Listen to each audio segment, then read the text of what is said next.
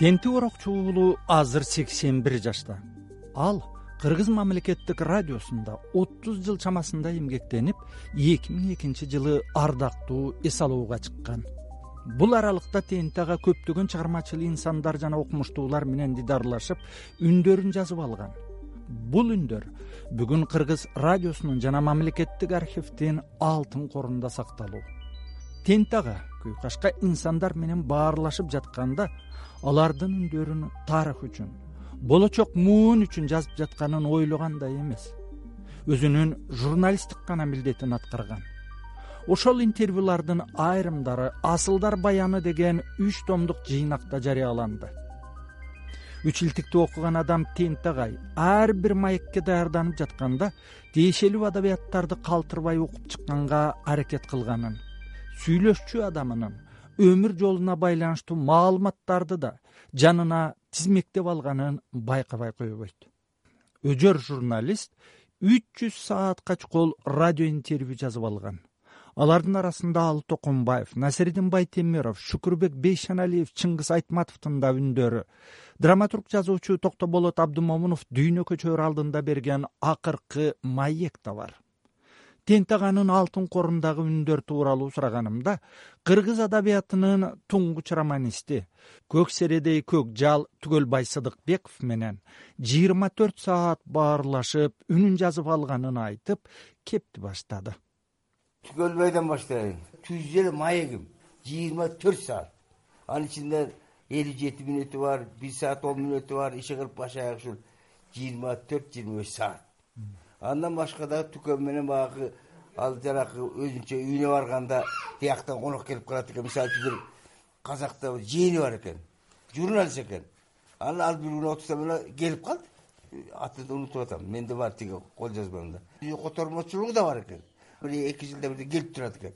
Ошол сыяктуу келип кеткен мен аппарат жанагы төрт беш килограммдуу аппарат репортерди көрбөйсүңбү көргөм анан ошону алып жүрчүмүн да барган сайын бир саат. Алы токомбаев алы токомбаев беш саат. Анда дагы ал азыраак насиридин байтемиров насиридин байтемиров тиги бир төрт беш сааттыгы бар абдумомунов мына сегиз саат. Токтоболот аб э, токтоболот абдумомунов ал мындайча болуп калды. Барып баягы төрт саат жазып жүргөм. Анан бир күнү эле барсам эле бирөө айтып калды. Редакцияга ишке барасың да. Барсаң сени тиги султан издеп атат. Эмне болду? Тиги омордо эмне деп издеп атты? Анан ангыча оморго чал деди анан оморго телефон чалсам эле ой сени тиги абдумомунов үч күндөн бери издеп таппай чалып атат бар деди анан болуптур деп анан аппаратыңды алып баргын сенин сүйлөшө турган сөзү бар экен деди анан бардык бардык э аксакал эми кандай саламатсызбы мен сизди гана издеген экенсиз ой анан издедим анда бир эки эки жылдай болуп жатып калган ооруп айланайын деди. Мен болдум деди. Ойго шынтты айтасызбы эми ажалым жетти дегенде ушинтип айтасызбы деп мен да чочуп кеттим.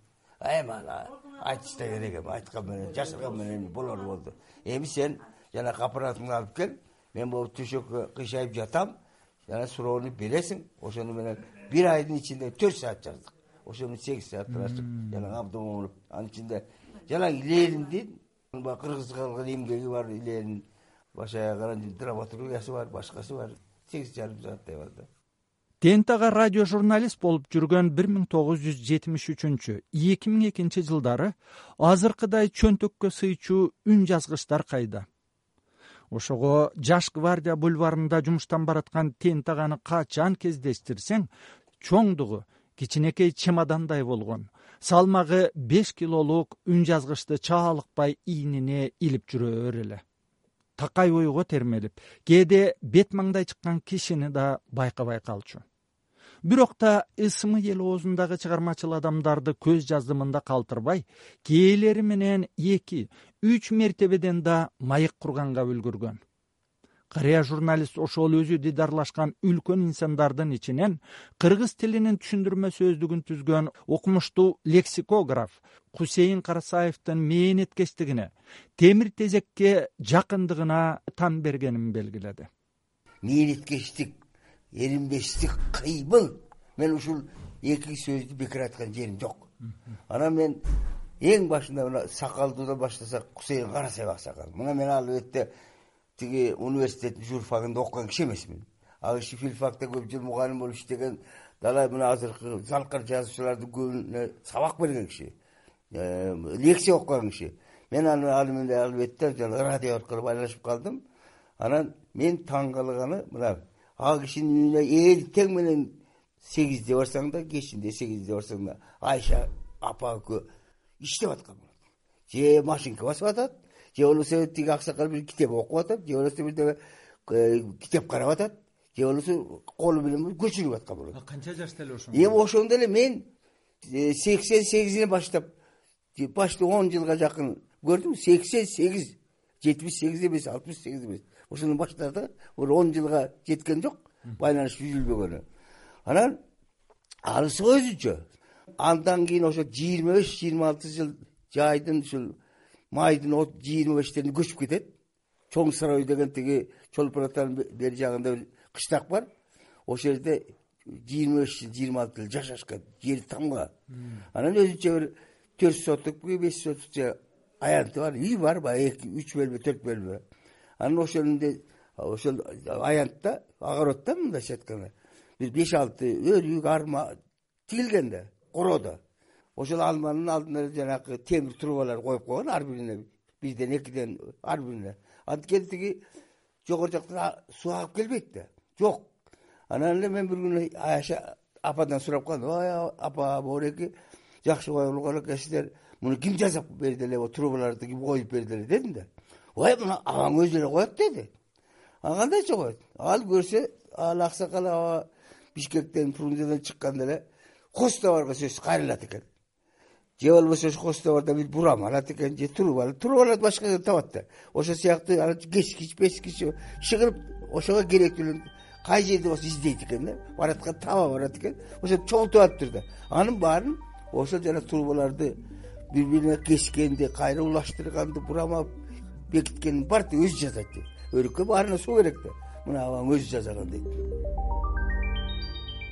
Сиздер асылдардын үнүн сактаган радио журналист тенти орокчу уулу деген берүүнү тыңдап жатасыздар.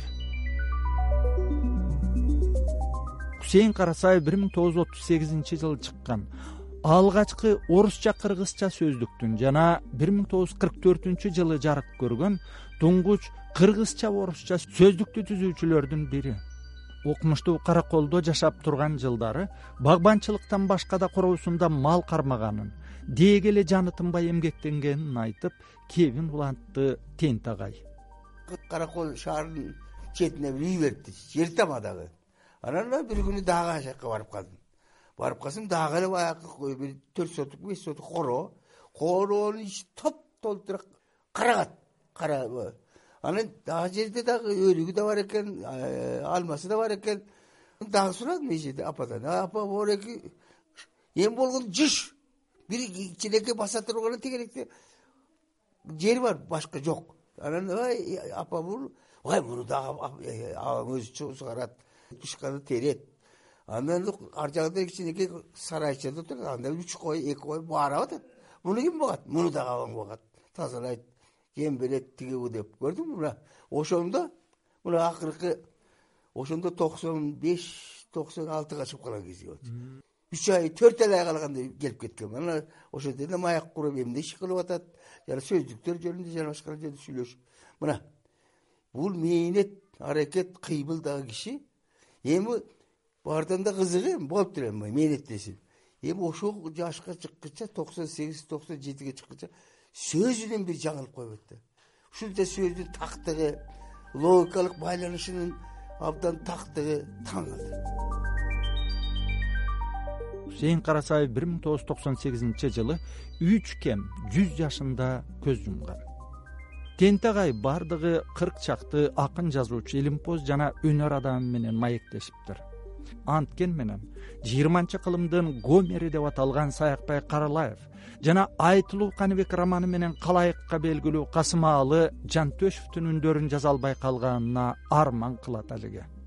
Мен эки гана адам менен байланышпай маяк курбай калганыма кичине өкүнөм да анткени саякбай каралаев мен радиого келгичи кетип калды. Жетимиш биринчи жылы кетти мен жетимиш төртүнчү жылы келдим. Жантөшев болсо жетимиш сегиз алтымыш сегизинчи жылы кетти. Ал ушул эки киши менен байланышпай калган өкүнөм болбосо андан кийинки ошол кезде э, албетте ал кезде мени менен жашташ мени менен бир жаш эки жаш үч жаш кичүүлөргө барган жокмун. Анткени мен кайтып кетет мисалы үчүн турар кожомбердиев э, э, жоолоттор барган жокмун анткени алар жаш эми буякты жазып алайын. Алар эми тура турат. Кудайберт ким билет эми? Деп анан ушул баш аягы артисттерден да бир тобо кетти. Жазуучулардан ушу ошол катардагылардан эч кимиси деле калган жок кубанычбек калды. Ал киши кичине таарынып айткан тилимди албай жүрүп ал ошо кетип калды. Бейшеналиева менен да макул болуп жүрүп ал дагы эртең кел бүрсү кел анан жазабыз кийин жазабыз деп жүрүп кыргыздын туңгуч балеринасы легендарлуу бүбүсара бейшеналиева ошондой эле кинодо жана театрда эстен чыккыс образдарды жараткан бакен кыдыкеева да келэрки жолу сүйлөшөлү деп атып өтүп кетишти деди тентагай ал киши да кызык. Бир кызыгын айтып берейинби. Анан барасың эже мен ушул кыргыз радиосундамын эмне ой жакшы. Мен сизди жазып коеюн. Ой анан мен тиги ишим бар эле тиякта эле эртең кел дейт. Же болбосо бир жумадан кийин кел дейт. Бир жума кийин барсам коетучу айлана эми колум бошоп кетет деп ал киши жазбай бакен кыдыкеева. Бакен кыдыкеева да так ушундай болду айнан коетучу эртең кел бүрсү күнү кел анан барсаң кайра бир жака кетип калат тентагай радио үчүн жазып алган маектер залкар инсандардын философиялык көз карашынын дүйнө таанымынын өмүрүндөгү урунттуу учурлардын бир фрагменти гана бирок бул үндөр болочок муунга өткөн доордун жүрөк дүбүртүн ой чабытын коңгуроодой жеткирээри талашсыз. Көкүрөктөн сыдырылып айтылган бул үндөрсүз өлкө тарыхы бөксө болмок